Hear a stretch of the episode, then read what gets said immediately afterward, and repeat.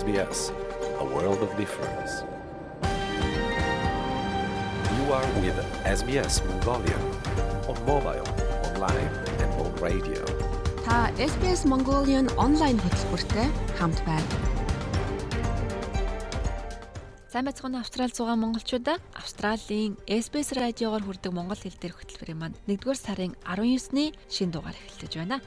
1-р сар бол бидний өсөж төрсөн Монголд маань тачгинсан хүйтэн өвөл байдаг бол Австрали тарин асар халуун зуны уйлрал болж байна. Ингээд амьдран сугаа газар нутагтай хүндэтгэл үзүүлэн шин дугаараа эхлүүлцгээе.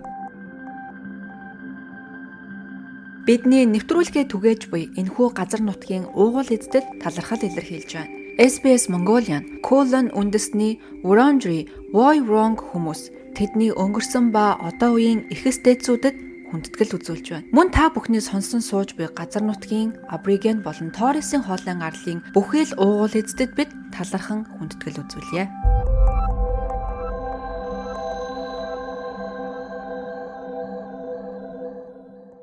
Ингээ бүтэн цагийн туршид хамт байж Австралид байгаа монголчуудынхаа түүхийг хуваалцаж Австралид оршин суугдчих тагуулаа сонсороо танд хүрэхээр бэлтгэсэн нэвтрүүлгийн товч тайлбарыг од хүргэе. Бид нар Сиднейн ээжүүдийн байгуулсан House Mom гэдэг төрийн бас байгууллагын захирал уран бэлэгтэй ярилцсан тэд маш азтай. 7 хоног бүхэн ээжүүд нь уулзаж Австралийн хууль эрх зүй, эрүүл мэндийн салбарын тухай мэдээллийг авдгийн байна.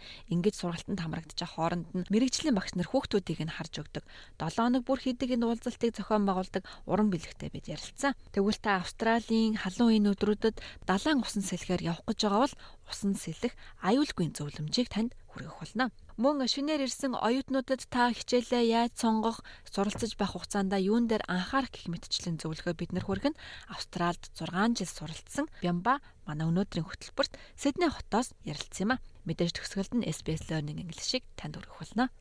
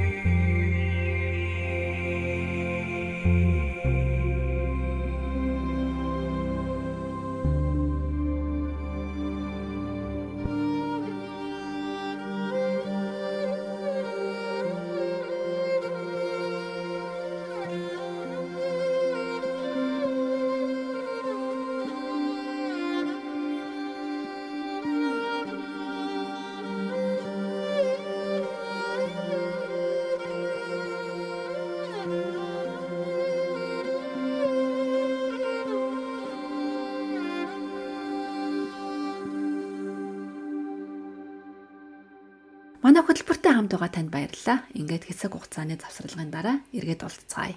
Та SBS Монгол нэвтрүүлэгтэй хамт байна. Сайн байцгаана уу сонсогчдоо. SBS радиогийн монголчуудаагаа хийдэг ээлжид ярилцлага маань эхлэхэд бэлэн боллоо. Энэ удаад бид нэр Сиднейт ээжүүдийн хүүхдүүдийн цугларах хамгийн гол төв байдаг Osmond Community Service-ийн Development-ийн төлөөлөгчтэй ярих гэж байна. Манай өнөөдрийн зочноор энэ байгууллагын захирал уран бэлэг Сидней хотоос бидэнтэй ярилцахаар ирсэн юм аа. За сайн уран бэлгээ. Сайн сайн байна. Танай байгууллагаас явуулдаг олон хөтөлбөрүүдийн тухай мэдээллийг бол би Facebook-ээс найз нөхдөөдөөсөө бас олон удаа сонсч байсан.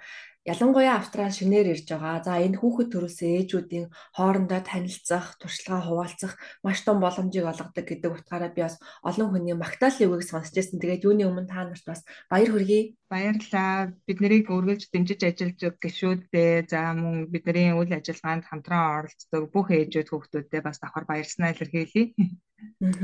Монголын ээж хүүхдүүдийн төсөл хөтөлбөр албан ёсоор дуслаа гэсэн мэдээлэлсэн. Тэгээд хоёлаа энэ одоо дөнгөж сайхан дуусгасан энэ том ажлын ард гарсных энэ ажилласаа яриад яриага эхлүүл ямар вэ?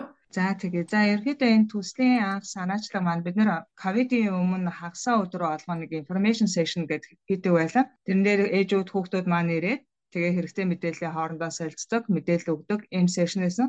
Тэгэхээр тэр сешны үеэр ерөнхийдөө нэг энд Австрали яг төрж байгаа ээжүүд, жирэмсэн байгаа ээжүүдэд нэг тулдаг асуудал нэг сэтгцэн эрүүл мэндийн ерөнхийдөө жоохон асуудлууд тулгардсан байна. Гэр бүлээсээ хоол, найз нөхдөөсөө хоол тэгээ яг ямар үйлчлэгийг яаж авахаа бас сайн мэддэггүй. Яг энэ бол бодит хэрэгцээ юм байна. Энэ чиглэлийн мэдээллийг бид нэр одоо системтэй хүргэх нь өөрөө зүйтэй юм байна. А тэгж хүргэхдээ хин нэгний амд амьдсан яриагаар биш яг мэрэгжлийн хүнээс нь зөвлөгөөг нь авъя гэж South Eastern Sydney Local Health District-ийн эмч мэрэгчлэнүүдтэй хамтраад 20 удаагийн 47 хоногийн ийм мэдээллийн сешнийг хэрэгжүүлээд сая дууслаа. Тэгээ хөтөлбөр маань 2 сард эхлээд сая 11 сард хаалтын ажиллагаагаа хийгээд ингээд амжилттайгаар явж дууссан. Хөтөлбөрөө та нар дүгнээд ер нь харахад ямар үр дүнд хүрсэн байна? Магадгүй нэг ээжийн кейс ээж болно те. Тэр ээж танаа хөтөлбөрт хамрагдсанараа те ямар одоо benefit өөртөө авч чадсан болоо нэг тийм кейс ярьж бас болно шүү дээ те. За тэгээд ерөнхийдөө хөтөлбөр маань юм нэг хоёр хэсгээс бүрдээд яваад байсан. Өглөө нь бид нэг coffee and tea talk гэдэг А хоёрд нь яг нөгөө жинхэнэ мэдээлэл өгдөг нөгөө мэрэгчлэнүүд маань эрүүл мэндийн байгууллагын мэрэгчлэнүүд маань мэдээлэл өгдөг ийм сешнтэй явсан. Тэгээ эхний сешн дээрээ бид нэр зарим үедээ бол ерөөдөө ээжүүд хоорондоо туршлагаа солилцож ярилцах. А эсвэл зарим үед бид нэр өөр бас бусад хүмүүсийг авчирч туршлагыг яриулах гэсэн хэлбэрээр явсан. А тэрэн дээрээ бүн нэмээд Австралийн нэг хуулийн байгууллагуудаас нэг хоёр хуулийн байгууллагаас бид нэр бас төлөөлөл авчираад Австралийн Family Law, Domestic Violence гэдэг сэдвүүдээр бас нэг хэдэн сешн явсан. Тэгээ ерөөхдөө тэрний үр дүнгээс бас дээрэс нь хүүхдийн өсөлт хөгжлийн холбоотой нөгөө Family Nurse бас ирж бид нар яриа хийсэн. Тэндээс үнслээ бид нар яг 5 ээжийг цаашаа холбогдох байгууллага руу холбож өгсөн байлээ. Дараа дараагийн үйлчилгээ авах хүүхдүүдэд мөн эмэгтэйчүүдэд гэсэн юм чиглэлээр А дээрэс нь манай хөтөлбөрт бүр маш төвтэй оролцдог нэг ээжээс хоёр хэр хүүхэдтэй. Тэгээд тэр ээж маань айгүй хөөрхөн сая төгсөлтийн байрах хэмжээндээ бид нар баярснаа илэрхийлээ хөөрхөн бицхан торт хийгээд ирсэн байсан. Тийм тэгэхээр тэр хүний хувьд бол ингээд нөө яг ингээ хоёр хэр охинтой тэгээ ингээ хүүхдээ хараад байж аа тэр ээжид бол яг манай хөтөлбөр ингээд нөө хүлээж ирдэг. Бүр яг тийм газар нь болсон байсан. Яг бидний нэг гэр бүлийн гишүүн шиг тийм найзуудтай хүүхдүүд нь айгүй тийм бүтээлч үйл ажиллагаа хийдэг ээж нь өөрөө мэдээлэл сонсоод авчдаг. Тэгээ бүр тэнцэн ингээд нэг гэр бүл шиг болоо татанцоод. Аа. Сая бас хэлжсэн те амд амьдсан яриа биш мэрэгжлийн хүний зөвлөгөөг хүргэхийг хичээдгээ гэсэн. Тэгээд энэ сэдвүүдээр юу ямар хүмүүс ирж мэдээлэл өгд юм бэ? Яг үндсэн сешн дээр маань болохоор ихэвчлэн нөгөө South Eastern Sydney Local Health District-ийн мэрэгжилтэн Teresa Hall гээд эмэгтэй бол бидэрт яриа хийжсэн. А бусад сешн дээр бол бид нөр өөрсдөө холбоо тогтоож ажилласан Family and Children Nurse мөн эрүүл мэндийн байгууллагаас. А дээрээс нь Better Connected гэдэг Rocket Family Hub гэж байдаг тентхийн бас хүүхдийн мэрэгжилтэн бас ирж яриа байсан а мөн Marrickville Health Center Legal Aid New South Wales гэдэг хуулийн байгууллагын төлөөлөгчд бас яг мэрэгжлийн хүмүүс нь ирж яг тэр талаараа яриа. Тэгээ хүүхдүүдэд дагуулад очихоор ээжүүд нь арга хэмжээндээ оролцоод мэрэгжлийн хүний төр зөвлөгөө сонсоод хүүхдүүдийг бас харж өгдөг гэсэн тий. Тэгээ н ээжүүдийг сургалтанд орсон хойно хүүхдүүдийн бид нар бас тусдаа өрөөнд харж өгдөг. Тэмчээний яг юм тоглоомын өрөөтэй тоглоомуудын бүгдийг гаргаад дээрэс нь нас насанд нь тохиорсон зураг наамал хийх ч юм уу тий хүүхд хөгжүүлэлтийн хөтөлбөртэй. Манай хөтөлбөрийг яг child mind-аар сурдаг хоёр багш хэрэгжүүлдэг. Дэлгэрмаа Жавхлан гэ хоёр багш маань хоёулаа яг early childhood дээр teacher-ийн мэрэгчлэр суралж байгаа ийм хоёр багш маань хөтөлбөр хэрэгжүүлж байгаа. За тэгээ мөн олон хүүхэд ирсэн зохиолдод манай гişүүдээс бас давхар нэмж хүүхдүүдийг хардаг. Тэгэхээр хүүхдүүдийн өрдөөс санаа зовхгүйгээр тэнцээ хичээлдээ товлорох тийм боломжийг бид нэр ээжэдтэй олгохыг зорьсон. Аа. Танаа байгууллагын хувьд бол төрөмс байгууллага уу? Тэгээ not for profit organization гэж явж байгаа. Яг монголчуудаа Сиднейд Австралид амьдарч байгаа монголчуудаа зориулсан чиглэсэн үйл ажиллагаа явуулах гэсэн ийм зорилготойгоор. Анх ер нь яг ямар санаачлагаас үүдэж байгуулагдсан болоо? Хизээ байгуулагдсан бэ? Ааха, байгууллагын хувьд манай яг байгууллагын үндсэн үүсгэн байгууллагч гишүүн маань Хандорж гэдэг гишүүн байгаа. Тэгээ хандорч маань болохоор ерөөхдөө волонтер хэлбэрээр ажиллаж явж байгаад ерөөхдөө өөртөө нэг ижилхэн бас хэрэгцээ шаардлагатай ийм хүмүүс байдсан байна. За надаас яг надтай ажилхан ийм Австралийн эрүүл мэндийн байгууллагын үйлчлэгийг авах одоо хүүхдтэй ч юм өөртөө ч юм авах хэрэгцээтэй хүмүүс бас зөндөө байдсан байна. Сэтэл байгаад тэгээд тэр байгууллагатай хамтраа төсөл хөтөлбөр хэрэгжүүлэе гэхээр тэд нар нөгөө хувь хүмүүстэй биш заавал байгууллагатай хамтарч ажилладаг. За тэгвэл ямар ч гэсэн бид нар ийм байгууллагатай болох хэрэгтэй байна. Бид нарыг төлөөлдөг гэд. Тэгээд тэр санаачлагыг анх гаргаад ерөөхдөө нэг 5 ээжүүд нэгдээд 2020 оны 11 сард үүсгэн байгуулж байсан. Эхний жилийн хувьд бид нэр ихэвчлэн нөгөө хагасан өдөр үйл ажиллагаа явуулдаг байсан. Гэхдээ бидний бас дэмжиж ажилласан нэг том байгууллага байгаа. Тэр нь болохоор Cogra Storehouse гэдэг. Ер нь бол энэ болохоор бас not for profit organization Uniting Church-ийн дэргэдэх ийм байгууллага байгаа. Биднэрд бол нөгөө заалаа ашиглаж тусалдаг. Тэр бол хамгийн том тус байгаа. Тэгэхээр бид нар хагасаа өдөр бид нарт яг заалаа чөлөөлж өгөөд а энэ хөтөлбөрийн үед бол хоёр дахь өдөр бид нарт яг бүтэн заалаа чөлөөлж өгдөг. Тэгээд бид нар яг тэрийг нь ашиглаад үйл ажиллагаагаа явуулдаг. Энэ танаа үйл ажиллагаанд ороход төлбөртэй байдаг юм уу ээжүүдээс? Бүх үйл ажиллагаа маань төлбөргүй байгаа. Тэгээд төлбөргүй дээрээ нэмээд бид нар child minding-ийн үйлчилгээ үзүүлж байгаа. Дээрээс нь бид нар өглөөний цайны үйлчилгээ үзүүлж байгаа. Бүх ирсэн ээжүүд маань кофе цаавгаа хоорондоо ярьж танилцах тэр боломжийг бас бид нар бүрдүүлж байгаа. За мөн нэг Cograstor House маань биднийг дэмжиж үйл ажиллагаанд маань оролцож байгаа яжуудад бас нөгөө хүнсний байг бас өгдөг байгаа. Тэгэхээр ерөөхдөө бүх үйл ажиллагаа маань өөрөө төлбөргүй, дээрэс нь мэдээлэл аавна. Тэгээ дээрэс нь биднээс зүгээс бас бяцхан бяцхан бас урамшуулалттай ийм хөтөлбөрүүд явуулдаг бид нэр. За одоо нэг удаагийн төсөл хөтөлбөр ингээд дуусч байгаа юм байна. Өөр ямар хөтөлбөрүүд байгаа вэ? Таван чиглэл бид нэр голлон ажиллахыг зорьсон. Нэг нь болохоор хууль эрх зүй, аа тэгээ education, family and children, social well-being тэгээд health гэсэн ийм таван чиглэлд бид нэр үйл ажиллагаа явуулахыг зорьсон. Тэгээ одоо бид нэр яг education чиглэлдээ гол зорилгоо болгоод бас нэг хөтөлбөрийг хэрэгжүүлээ явж байгаа. Энэ хөтөлбөр маань болохоор онлайнаар өсвөр насны хүүхдүүдэд зориулсан, high school-ийн хүүхдүүдэд зориулсан ийм хөтөлбөр байгаа. Мэргэжил бүхэн сайхан гээд яг энэ мэрэгжил нь юу хийдэм бэ? Яг энэ мэрэгжлийг сонгохын тулд тэгвэл ямар сургууль сураад бид нэр ямар мэрэгжлэр ажиллах боломжтой болох вэ гэдэг чиглэлээр им 10 сешн бид нар төлөвлөсөн байгаа. Боловсролын чиглэлээр жишээлбэл Perth хотоодсын дээр профессор маань оролцсон. А мөн IT-ийн чиглэлээр Perth хотод ажиллаж байгаа 8 а мөн Сидней хотод ажиллаж байгаа гүн бэлтгэх залуу хоёр жишээлбэл IT, computer science-ийн чиглэлээр мэдээлэлүүд өгсөн. Тэгээ хоёлаа одоо ярианыхаа агуулгыг яг ийм төрөмс байгууллагыг ер нь яаж байгуулдаг юм бэ? За энэ хөтөлбөрүүдийг явуулахад улсын байгууллагуудаас ямар нэгэн фандинг авдаг байх гэж бодож байгаа. Тэгээ тэр фандуудыг бас яаж авах вэ? Тэр туршлагаа бусад мужид байгаа ээжүүдэд яг ийм үйл ажиллагаа зохион байгуулахаар зорж байгаа хүмүүст хоёлоо хуваалцвал. Тэгэхээр ерөөхдөө энтхийн байгууллагуудын бас нэг сайхан юм их нээлттэй байдаг. Ерөөхдөө бүх байгууллагууд ерөөхдөө нөө multicultural support worker-тэй байдаг. Тэгээд ерөөхдөө multicultural-уудтай ийм нөө байгууллагуудтай ажиллах бас их сонирхолтой. Ягаад тэгэхээр эн чинь нөгөө монголч гэдэг чинь өөрөө айгуу тийм шинээр бий болж байгаа юм нэг групп байгаад байгаа. Тэгээд тэр групптэй чи яаж холбогдох вэ гэдэг тэр байгууллага чи өөрсдөө ч бас уучраа болохгүй л байгаа. Тэгэхгүй яг хаанаас яаж авч бид нар уулзах вэ гэдэг мэдгүй. Тэгэхээр тэр байгууллагуудын multicultural support worker руу хандхад тэд нар бол их нээлттэй хүлээж авдаг. Тэгээд ерөөхдөө тэр нар чи өөрсдөө биднэрт зүгээр та нарт ийм хөтөлбөр явуулахад ямар боломжууд байна вэ гэдэг тэр боломжуудаа та нартай өөрсдөө их нээлттэй ярилцсан юм байлаа. А биднэрт өөрсдөө бид нар ийм бид нар санхүүжилтийг гаргаад одоо манай байгууллагаас ийм фанд байдаг. Бид нэр энийг гаргаад та нарт ийм хөтөлбөр явуулж болж гинэ гэдэг тэр пропозал биднэрт бас хэлээ. Тэгээд бид нар тэгвэл яг юу авах хүсэлтэй байгаа юм бэ гэдгийг бид нар бас буцааж хэлээд Тэгээ хоёр талаасаа яриа хийсний үндсэн дээр нөгөө тэгээд ерөөхдөө фандинг зохион байгуулж ирсэн. Бас нэг ингээд нэг байгууллагатай холбоо тогтоочих юм бол тэр байгууллага маань бусад байгууллагууд руу бас ингэж холбож өгөх гол гүүр нь болдог. Тэгэхээр бидний бас бодоод зориод байгаа зүйл маань юу вэ гэхээр манай байгууллагын зарлага маань өөрөө Австрали дахь монголчууд гэсэн учраас зөвхөн Сидней хотод өдрөгөж бас бусад хотын ээж нартай ч гэсэн эмэгтэйчүүд залуучууд бүхэл хүмүүстэй ерөөхдөө холбогдсон ийм үйл ажиллагаа явуулах юмсан гэсэн зорилго байгаа.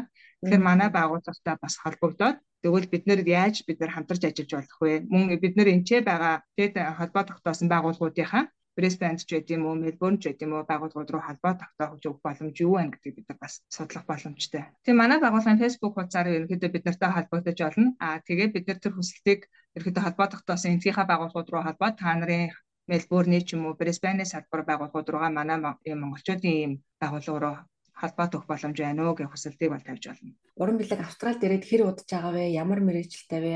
Одоо яг энэ төрийн бус байгууллагада бүтэн цагаар зориулаад ажиллаж байгаа юу? За миний хувьд 2016 оны 2 сард ирсэн. Тэгээд э, Western Sydney University-д э, Business Administration and Applied Finance гэдэг double master degree хийсэн 2.5 жилээр. Тэгээд э, би өөрөө бас бүтэн цагийн ажилдаа credit analyst-аар ажилладаг микро бизнесийн зээл олгодог байгууллага манай байгууллага маань. Тэгээ бүтэн цагаар байгууллагад ажиллана. Дээрээс нь бүтэн цагаар энэ community-ийн байгууллагад ажиллана. Гэтэ мэдээж community маань зөвхөн надаас хамаарахгүй маш олон гишүүнтэй. Бид нар анх 5 гишүүнтэй үүсгэн байгуулж ирсэн бол одоо биднийг дэмжин ажилладаг 20 гаруй гишүүдтэй. Тэгэхээр тэр гишүүд маань нөгөө бүх зүйлсээ хувааж аваад хийдэг. Тэгэхээр бүгдээрээ л ажилладаг, сурдаг ээжүүд байгаа. Гэтэ бүгдээрээ нөгөө ажлаа хуваалж аваа хийдэг учраас бүгдээрээ нэг зорилгонд төлөө явж байгаа учраас ерөөдөө болоод идэг гэх юм уу. Урна хэдэн хүүхэдтэй вэ? Хэрэг нууц. Би хоёр хүүхэдтэй. Том хүүхэд маань 9 дугаар анги, бага хүүхэд маань 5 дугаар ангид сурдаг. Аа зөв зөв. Тэгээд энэ их ажлынхаа хажуугаар амжуулаад бидэнд ярилцлага өгөх цаг зав гаргасан баярлалаа. Баярлалаа. Бид нарыг э, үйл ажиллагааг сурчилж ингэж урьж оролцуулсанд маш их баярлалаа. Мөн чиний ажилд амжилт хүсье. За баярлалаа. Тэгээд би бол Мельбурн хотод амьдардаг яг ийм байгууллага манай энд байгаасаа гэж хүсэж байна. Зохион байгуулах хүсэлтэд сонирхолтой хүмүүс байвал бас холбогдож болох юм байна тий. Тийм бид нартай ер нь Австралийн аль ч хотоос холбогдсон бид нар маш таатай байх болно. Ер нь чадах хэмжээгээр туслахад бэлэн байна. А дээрээс нь бид нар туршлагаа хуваалцахдаа бүр маш их баяртай байх болно. Баярлалаа. Маш их баярлалаа. За амжилт хүсье баяртай. За баярлалаа. Баяртай. Бидний хүссэн газраас сонсоорой. SBS радиогийн аппликейшнийг SBS.com.cg юу радио апп хаягаар татаж аваарай.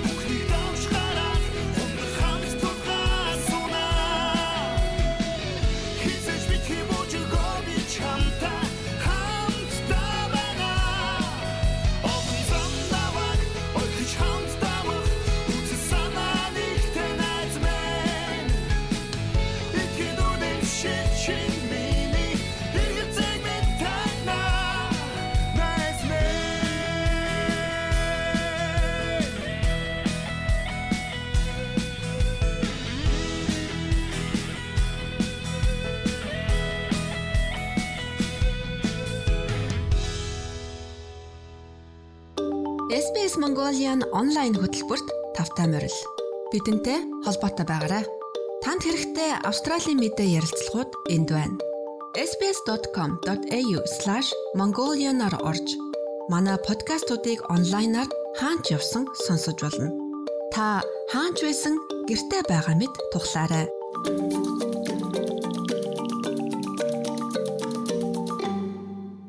SBS Mongolian радио хөтөлбөртэй хамт байгаа танд баярлалаа. Одоо Австралид оршин суух хөтөч нэвтрүүлгийг хүлээн авч сонсцгоё. SBS Монгол хэлээр Австралид халуун зун ирж хин хөмгөй далайн эрэг усан сан сэрүүцэх цаг болжээ.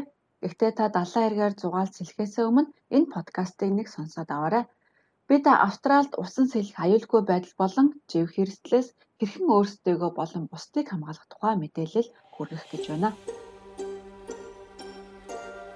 SBS Монгол нэвтрүүлэг таны гар утас болон цахим хуудасд нийлдэхтэй байна. Австрали бол дэлхийн хамгийн үзэгдэлэн далайн эрэг наран шарлагын газруудтай. Гэхдээ тэнд хүн амнасаа алдах эрсдэлтэй газар байдгийг битгий мартаарай. Royal Life Saving Society Australia-гийн хийсэн судалгаанаас харахад сүүлийн 12 сарын хугацаанд гэхэд Австралид 294 хүн усанд үеж амнасаа алджээ. Энэ бол өнгөрсөн оныхоос 20 хувиар өссөн гэсэн үзүүлэлт юм байна. Үүнд хоёр үндсэн шалтгаан нөлөөлжээ. Урт хугацааны хөл хорионы дараа усан живж өөд болсон хүний тоо эрс нэмэгдсэн байна. Нөгөө талаар аяллаа хязгаарлалттай холбоотойгоор хүмүүс өөрсдийн сайн мэдэхгүй хамгаалалтгүй газар сэлж байгаад живх явдал их гарчээ. Ингэж живж нас барсан хүмүүсийн дотор гадны иргэд буюу далай уснаас хол төрж өссөн хүмүүс олон байгааг энэ судалгаа нотлож байна. Бид энэ байгууллагын Stacey Pigeon гэдэг хүнтэй ярилцлаа. Өнгөрсөн 10 жилийн тоо мэдээллийг харахад усанд живж нас барсан хүмүүсийн 27%-ыг гадаад төрсэн хүмүүс эзлэж байна. Ус далаагаас хол усан сэлэх туршлага багтай хүмүүс олон ирдэг. Тэд Австралид ирээд усанд аюулгүй байх сэлэх чадвараа сайжруулаагүйгээр далаа усанд ордог нь ийм харамсалтай зүйл тохиолдоход нөлөөлдөг байна of total drowning deaths were actually people who were born overseas. Усанд живэх бас нэг том шалтгаан бол согтуурал хундаа хэрэглэх явдал байдаг гэж тэрээр мөн ярьж байна. Тухайн хүн хаанаас ирсэн ямар гаралтай усанд хэр сайн сэлдэг зэргээс үл хамааран согтуурал хундаа хэрэглэсэн бүх хүн ийм эрсдэл байдаг. Харамсалтай нь ийм хэрэглээ усанд живж амиа алдаж байгаа нэг том шалтгаан болсоор байна really had the skills or experience to be safe around the water. Сидней хотын Northern Beaches дүүргийн наран шарлагын газрын үйлчилгээний менежер Clayton Rose гэдэг хүнтэй бид ярилцлаа. Тэрээр Австралийн нэгэн алдартай эрэг болох Mainly Surf Beach-ийг хариуцсан ажилтдаг юм байна. Тэрээр усан цэлэх хүн бүхэн зориулсан хамгийн энгийн зөвлөмжийг хүргэж байна. Don't swim unless there's some flags up. Хэрвээ тухайн газар ямар ч туг байхгүй бол хэлсэлээрэй. Бас тугны хооронд сэлэх хэрэгтэй. Энэ нь аюул багтай гэдгийг битгий мартаарай. Иймэрхүү мэдээллийг авч сэлэх чадвараа сайжруулсны дараа далайн усанд ороорой. Ингээд цагийг сайхан өнгөрүүл. Гол нь сэлж сурсан байх ёстой шүү. Хэрвээ танд ямар нэгэн асуух зүйл байгаа бол аврагчдад хандаж болно. Зарим аюул эрсдлийг интернетээс судлаж мэдэж болно. Гэхдээ хаана сэлж болох, хаана аюултай байдаг зэргийг аврагч нартай уулзаж асууж мэдэж болох юм а. Ингэснээр та өөрийгөө хамгаалах эхний алхмаа хийж байна гэсэн үг юм. Усанд живэх нь хормын төдийлөл тохиох аюул. Насанд хүрсэн хүн 1 минутын дотор ухаан алддаг. Тиймээс аюулд орсон л бол шууд тусламж дуудах хэрэгтэй. First thing is do not panic because if you panic what happens is you use up a lot of energy Юуны өмнө та хэтэх зочирдож хий сандраарай. Ингэснээр өөрийнхөө энергийг дэмий зүйл зарж тарих хүчил төрчөө ихээр зарцуулдаг. Ингээд та зөв сэтгэж, зөв шийдвэр үйлдэл гаргаж чадахгүй төрнэ. Тиймээс аль болох тайван байж, гараа өргөж, тусламж дуудан орилох хэрэгтэй. Ямар нэгэн эрсдэлтэй байдалд орсон бол шууд санаа зовлохгүйгээр тусламж авах хэрэгтэй. Аль болох эрт тусламж дуудах нь чухал шүү. And if you start to get into trouble, don't feel embarrassed. Make sure you ask for help early. Гадаадын оюутнуудад Австралийн соёл, боловсрол, спортын тухай мэдлэг олгодог Gangnam Style гэдэг хүнтэй бид уулзаж ярилцсан юм а. Зарим шинээр ирсэн хүмүүс Австралийн далайн соёл түүний аюулгүйг сайн мэдэхгүй зарим нь үл тоосноосоо болж эрсдэлд ордог гэж тэрээр ярьж байна. Би энэ зөвхөн сэлф тухай ярьдгүй. Зарим хүмүүс эрсдэлтэй газар очиж зураг авахуулах, селфи хийдэг. Өнгөрсөн онд яг ийм шалтгаанаар нэг хүн усан дунж амнасаа алдсан. Тиймээс наран шарлагын газар явах гэж байгаа хүн бүхэнд алтан дүрмийг сануулъя. Энэ бол эргэлзэж байгаа бол бүхий. Ялангуяа далайн эрэгт үнийг бодож явах хэрэгтэй. Энэ дүрм рок шефийн буюу хадан дээрээс загасчилдаг хүмүүст ч хамааралтай. Энэ бол Австралийн хамгийн эрсдэлтэй спортын төрөл тооцогддог. Өндөр давлгаа, нойтон хад, далайн төрлөг гэх мэт нь туршлага багтаа олон загасчдын амийг авч уддаг. Энэ тухай Стенси Бижон ингэж анхааруулж байна. Та загасчлах гэж байгаа бол заавал аврах хантазаа өмсөөрэй гэж бид зөвлөдгөө. Завин дээрээс ч хадан дээрээс ч байсан аврах хантазаа заавал өмсөөрэй.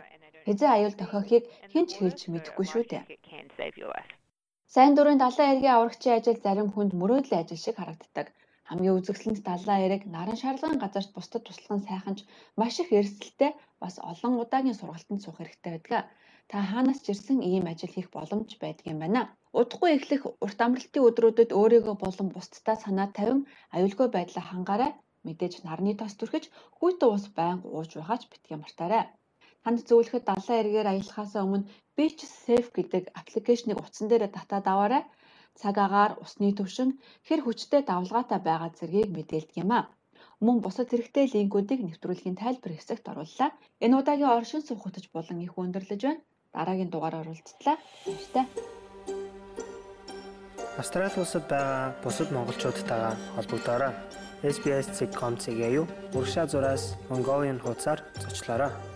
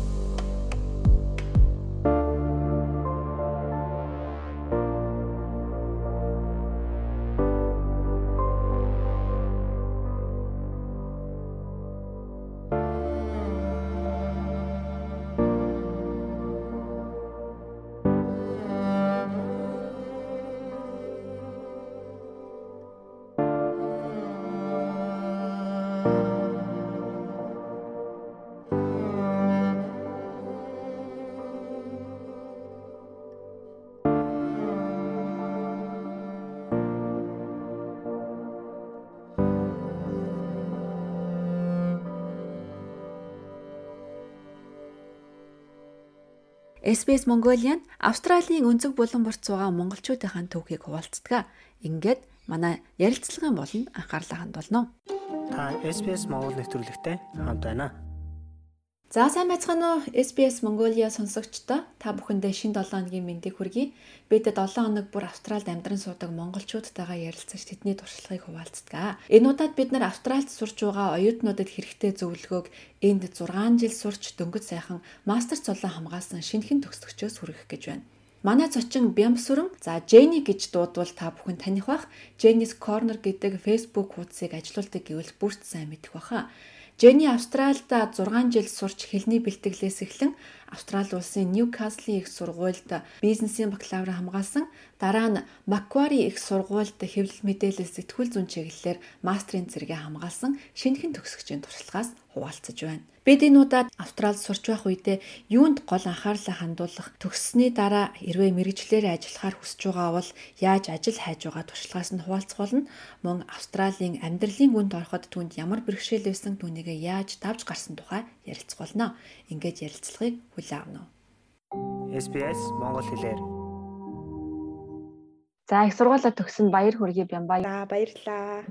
За юуны өмнө хоёулаа Австралид ирээд удаагүй байгаа. Шинэхэн оюутнуудад 6 жил сурсан оюутны хувьд юу гэж зөвлөмөр байна? Яг тэгвэл шинэ улс те, шинэ сургалтын систем, шинэ сургууль, шинэ хамт олон орчин гэдэг бүх зүйл шинэ танил биш байгаа. Тэднэрт зориулж юу гэж хэлмээр байна? За миний хувьд бол Монголд 10 жилээ төгсөөд яг их сургуультай бол Монгол сураагүй байж байгаа наашаа ирээд сурсан. Хамгийн түрүүнд одоо ингээд шинэ оюутнуудаа өгөх зөвлөгөө бол эхний одоо жилээ айгүй тийм хичээлдээ маш сайн анхаарах хэрэгтэй гэж хэлээ. Ягаад тэгэхээр ер нь бол эхний нэг жил болол ингээд яг хамаг юмныхан цувир нь одоо шинэ оюутны хувьд тавигдж байгаа жил.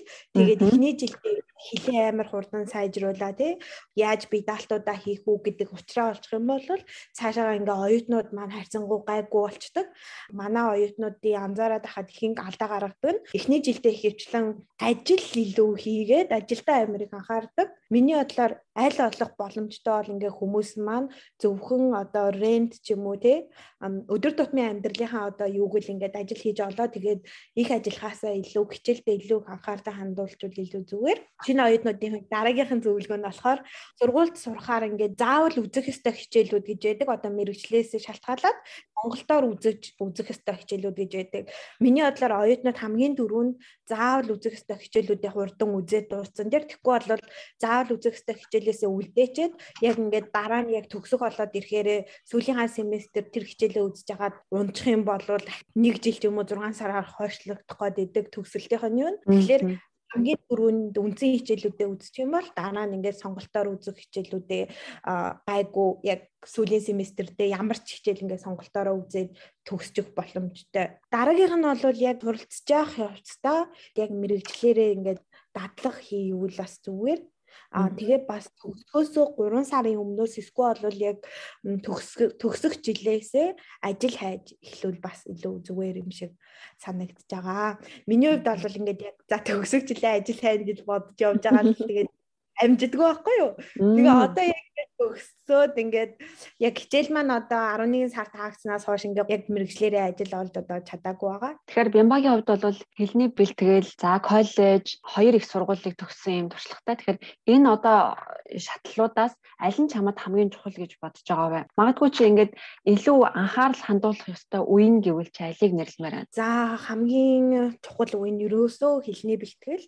Хэлний бэлтгэлд байхдаа л ингээд нөгөө нэг хичээлээ аягуулсан хийгээд хийгээд юмнуудаа бас одоо ингээ оюутнуудаас ийм ажил хийвэл надад зүгээр юм шиг санагцсан яг хэлний бэлтгэл явж явах үдээ ч юм уу эсвэл их сургуулийн жилдээ ингээд бусдтай аль болго ингээд яриулдаг харьцдаг customer service ажил хийвэл илүү зүгээр. Team ажил хийхгүй өөр ингээд нөгөө хүмүүстэй харьцдаггүй ажил хийж явж байгаад сүулдэ ингээд хилэнд бас сайн ажиллахгүй яагаад тэгэхээр тэр айдас нь ингээд тэр хүнд байгаад байдаг болохоор хэдний ингээд одоо мастра үзээд өөр одоо бакалавр энэ ингээ үзээ явж байгаа ч гэсэн бас одоо хүнтэй харьцах айцгүй байж ижил ерөн хурдан хэл сураа тэгээд хурдан цаашаа явах юм шиг санагдав.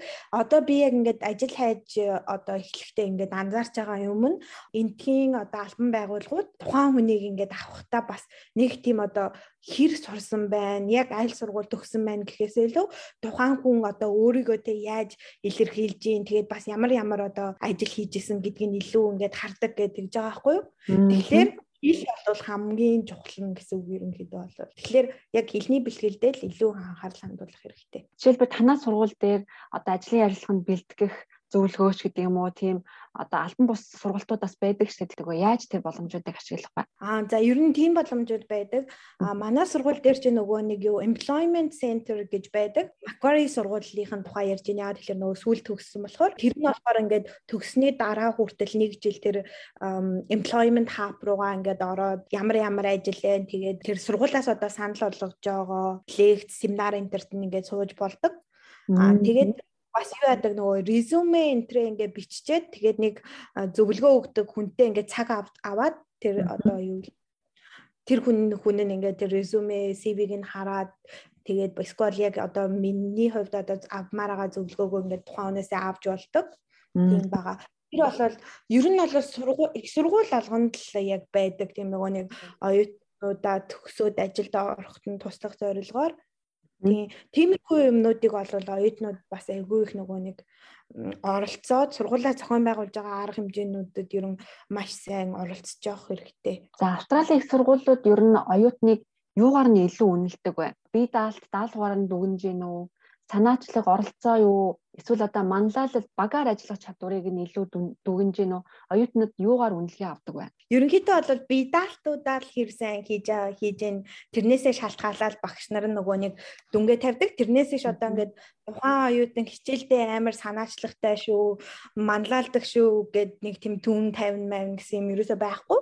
Тэгээд одоо бие даалт болгон чи угаасаа цаанаа нөгөө нэг юу гэдэг assessment rubric гэлөө тийм юутай тэгээд тэрэн дээрээсээ энэ хүн одоо яг яаж одоо бидалта яг яаж бичснээс чинь шалтгаалаад угаасаа цаанаас нь зааврын дагуу тэдээс тэдэн оноо гэд ингээ өгж явдаг. А харин одоо санаачлаг манлал энэ төр яагаад хэрэгтэй вэ гэхлээр нөгөө сурж явах явцдаа амар санаачлагтай байгаад ингээ бусдыг манлайлаад юмд оролцоод ингээд явхаар чинь тухайн хүн өөрөө айгүй их өсч хөгжинэ.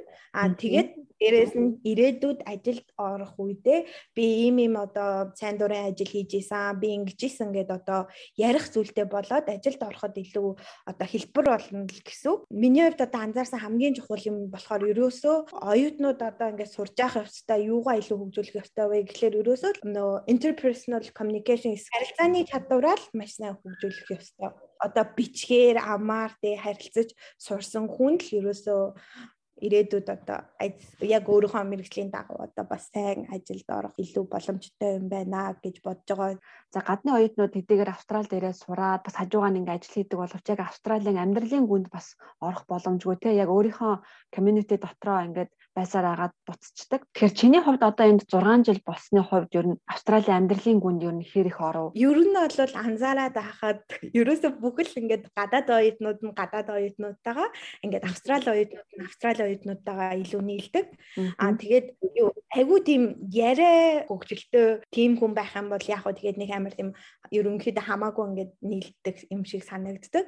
Аа тэгээд Миний хувьд эхний хэдэн жилээ бол ерөнхийдөө дандаа гадаад оюутнуудаа л найзалдаг байжгаад тэгээ сүүлд яг нөгөө нэг найз залуудаа бос одоо австрал найз залуудаа босны дараа найз залуугийнхаа найзуудтай ингээд илүү найзалж эхлээд одоо сүүлийн нэг юм хоёр хоёр жилээс л тэгж эхэлж байгаа. Өмнө нь би ингээд яг австралид амьдардаг ч гэсэн бас соёлынх нь тухай ингээд бас сайн мэддгүү байсан гэдгээ илүү ингээд анзаараад баяр интервью ерөөсөө баг тэмдэглэдэггүй байсан. Тэгэл одоо Тэгээ 2 жилээс ингээд баяр энэ төр тэмдэглээд спорт энэ төр бас үздэг болоод ингээд явж байгаа. Тийм тийм. Ер нь бол хилд сурахад бол яг соёлын эхлээд сурж ижил хилийн сурдаг гэх тийм үг байт юм бэлээ. Соёлын нас сураад Австрал кино энэ төр бас илүү үзүүл астэй ир гэж бодож байна. Хэрвээ одоо Австралид суралцаад төгсөөд цаашдаа үргэлжлүүлээд энд мэрэгчлэрээ ажиллах сонирхолтой оюутан биднийг сонсож байна гэж бодъё. Тэгвэл одоо суралцж байгаа үедээ бид нар мэдээж internship хийх боломжийг хайх хэрэгтэй байх те. Тэгэхээр хаанаас ер нь internship болж болох вэ? За ер нь бол нөгөө нэг internship болохын хувьд сургуулаас нөгөө нэг одоо тэр миний түрүүн ярьсан employment hub center энэ төр гэдэг байгаа. Тэрэн дээр болохоор бас одоо ийм дадлагын ажил байна. Энэ газар ийм хүн одоо авах гэж ингэж зарууд их орж ирдэг. Аа тэгээд дараагийнх нь юу болохоор нөгөө нэг одоо сурж байгаа чиглэлээр холбоонд нэгдэх. Одоо жишээлбэл маркетингийн холбоо гэж байдаг бол яг сургуулийнхаа маркетингийн холбоонд нэгдэг. Бас дээрэс нь Австрал нөгөө нөгөө нэг угаасаа маркетингийн чиглэлээр төгсөөд ажил хийдэг хүмүүсийн тийм холбоонд хүртэл нэгдэх боломжтой. Тэгээд тэд нэр чинь нөгөө нэг сар болгон 3 сард нэг удаа ч юм уу тийм newsletter энэ төр ингээ явуулж мовлаад тэрийг бас харж болно. А тэгээд бас одоо нөгөө Indeed, Gumtree, Interest ингээд хараад тийм ямар дадлагын ажил байна гэдэг тэгэж олох боломжтой. А хүний нөөцийн тийм нөгөө эйженси агентлагууд байдаг да тухайн хүн өөрөө амар туршлагатай тэгээ хичээлдээ үнэхээр сайн хүмүүсээ илүү ингээд нөгөө нэг бусад газрууд руу ингээд олж өгөх илүү боломжтой байд юм бэлээ. Тэгэхээр үнэхээр тэр хоёр тухайн үед өөрөө тийм бол тийм агентлагуудад очиод бас бүртгүүлжүүл зүгээр. За манай Бямба маань бас боловсролын зөвлөхөөр өмнө нь ажиллаж байсан те. Тэгээд тэгэхээр Монгол оюутнуудыг чи ингээд хараад байхад нийтлэг ямар алдаа гаргадаг вэ? За би болохоор яг өөрийнхөө гаргасан алдаа дээр тайлбарлаад хэлье гэж бодож байгаа. За миний гаргасан алдаа болохоор би нөгөө нэг эхний жилдээ ингээд хичээлдээ амар сайн анхаараагүй ингээд ажил хийхдээ илүү анхаарсан амар алдаа болсон. Дараа нь ерөөсөө их сургуультай ингээд энтхийн юу чинь бакалавр нь 3 жил, мастер нь нэг юм уу, нэгээс 2 жил байдаг.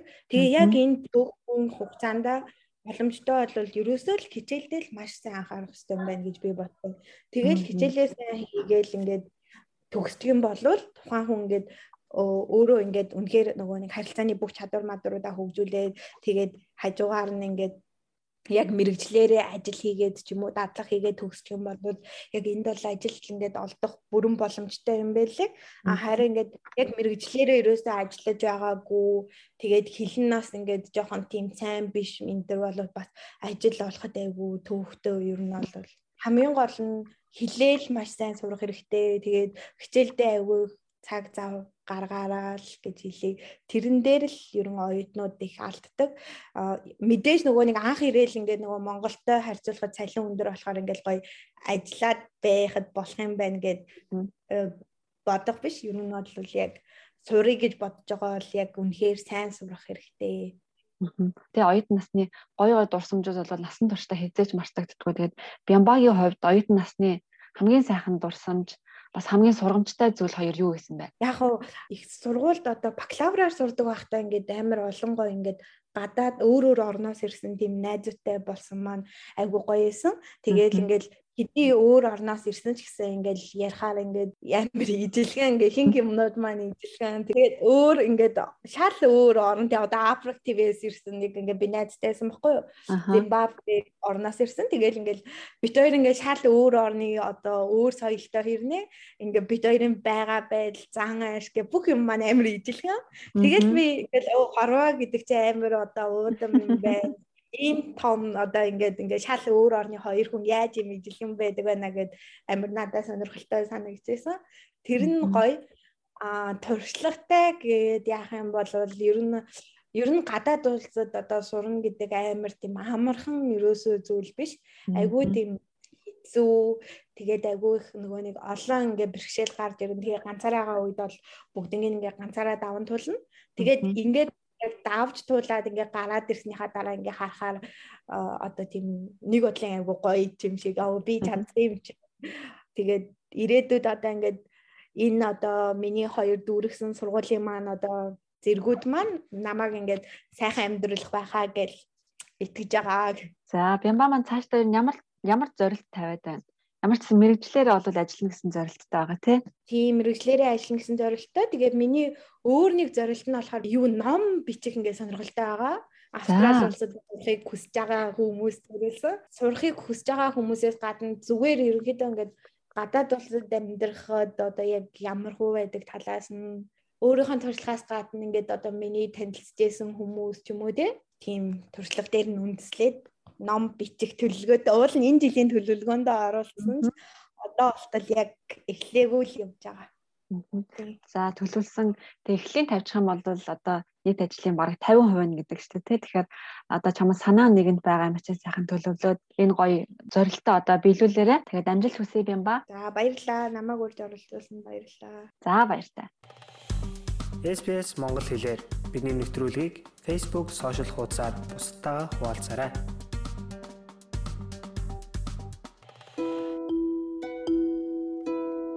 Та автобусаар, автомашинаар хаач явсан бидэнтэй хамт байж нэвтрүүлгүүдийг манд сонсох боломжтой. SBS радио аппликейшнийг үнгүй татаж аваад хүссэн газраа биднийг сонсоорой. SBS радио аппликейшнийг та App Store болон Google Play-с татаж авах боломжтой. Эсвэл та аппликейшнаа аль хэдийн татаад авсан бол апдейт хийх хэрэгтэй байж магадгүй юм шүү. Дэлгэрэнгүй мэдээллийг та SBS.com.au/radio app-аар орж аваарай.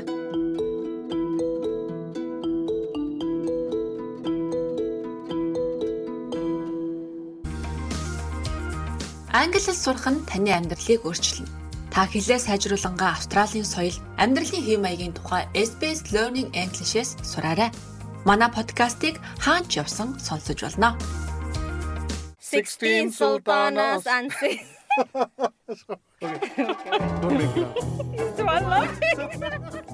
Hi, I'm Janice Peterson from SBS World News, and I'm here to help you improve your English pronunciation. I'll explain how to make sounds that can be tricky to distinguish and also give you some ways to practice them.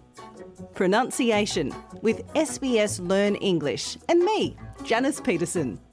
Let's start. Last week, my friend Jenny went to get a haircut. She asked the price and she thought the hairdresser said 16. What a bargain! But when she got to the cash register, she found out it was actually 60. What a shock! Jenny's problem was that she had trouble hearing the difference between the numbers that end in teen, like 16, and numbers that end in T, like 60. Today, we're going to look at those sounds and work out the difference.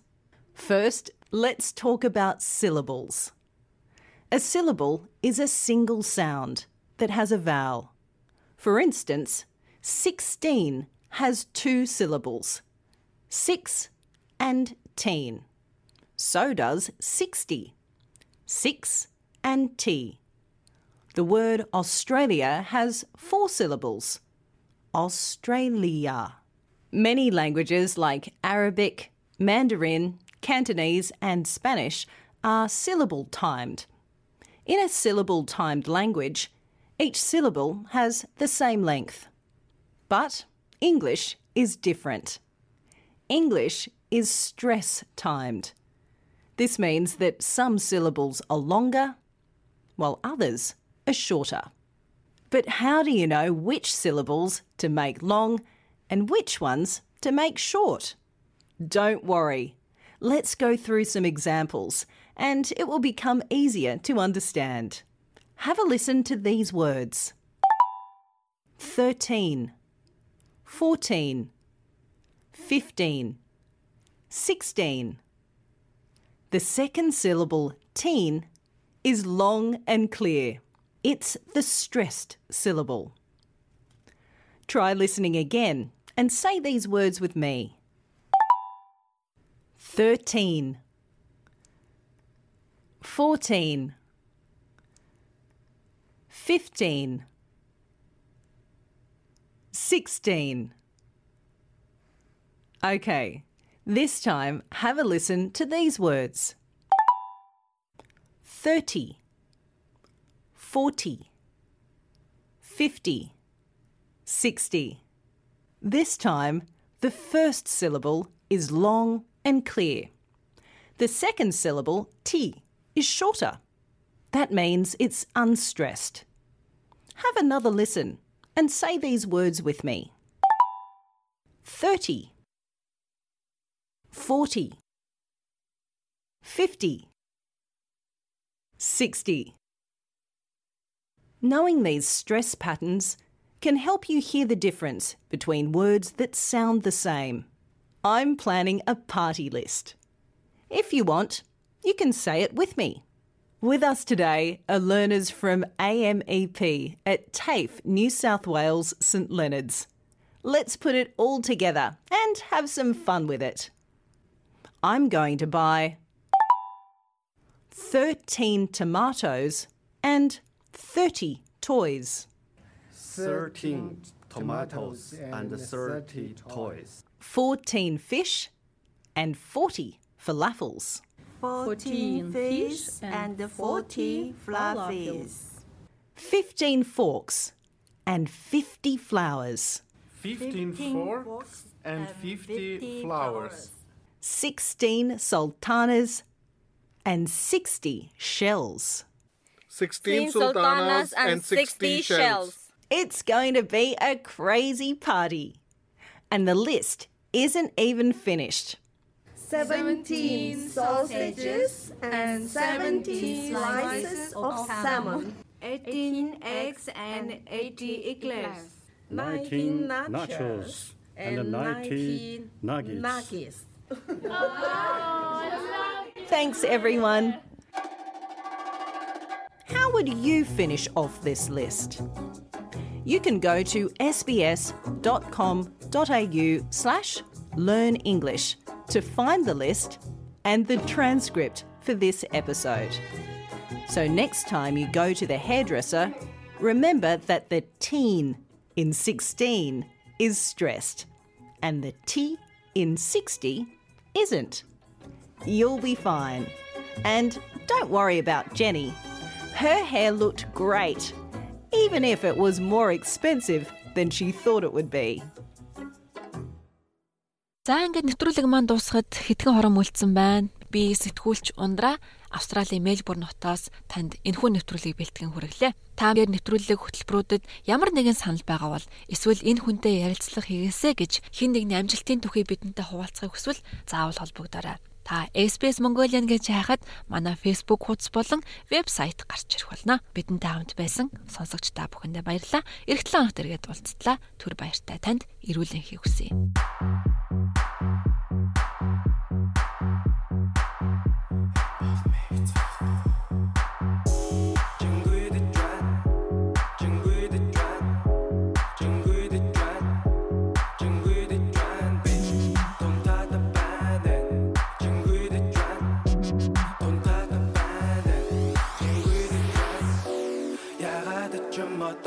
Тавширлыг мэдэрч байна. Агаар мантлаас огтургуй царыг хитэрч байна. Тэн Хөгжмөө чангалаад биес суллаад нүдэ анаад хэвт Амсгаараа гүн аваад гарах юу мэдэрч байна. Чи Чингүй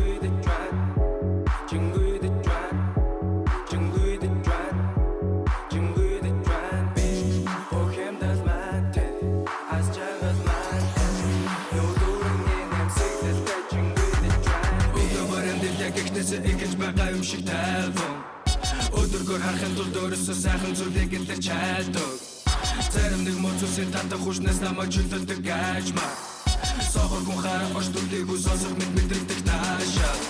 Чингүүдэд бол ядарсан цаг намайг өсөлдөх маш үштэй нойрны эм Чингүүдэд бол бүх цаг үед илэв шиг өшмөн бүх хэргийн тойрны чан Чингүүдэд бол эргчлөө гэж хашаамар байгаа гин нэгэн дуу. Чингүүдэд бол гэж надад зүгдүүлэн манайхаа гин чингүүдэд чиггүй Дэдэг амьдрал гэдэг чиний сэтгэл. Яг одоо төрж байгаа торгон мэдрэмж гэлдэг. Надад дэдэг амьдрал гэдэг чиний сэтгэл. Яг одоо төрж байгаа торгон мэдрэмж гэлдэг. Цаг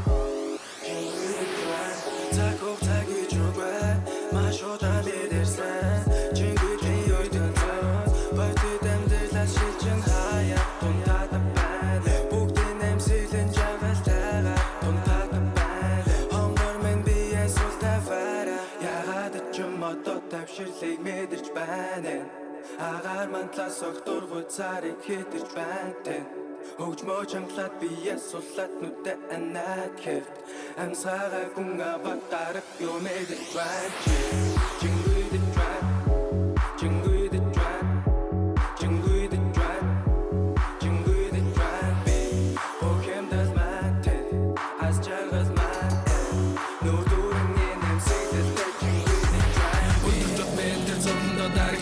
Тэрнээс шалтгаалсан амьдралаас хоо радио бас телевизээр интернет гарууд тусаалan хөхөлгсөн готорлаас хоо мөнгө төгрөг зэдэр бас тэнгэлэл цаг ногоон гэрэл рүү тэмүүлэр дүржлээс хоо Instagram Facebook Twitter шеэрлэг цаг мэн дээр лисэтгэс хоо Мөнгөр атаас хоо Остөрник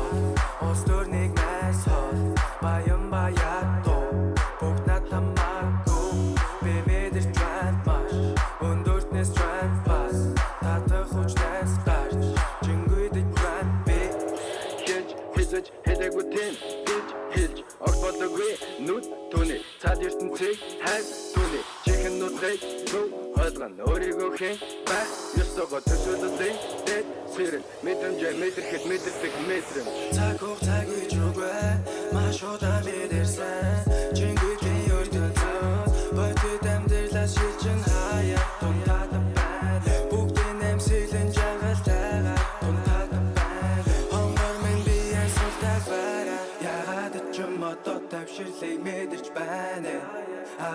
Агаар мантлаас огтургуй царыг хитэрч байна Хөгжмөө чангалаад бие суллаад нүдэ анаад хэр Амсараа гүн аваад гарах юу мэдэрч байна чи. Чингүй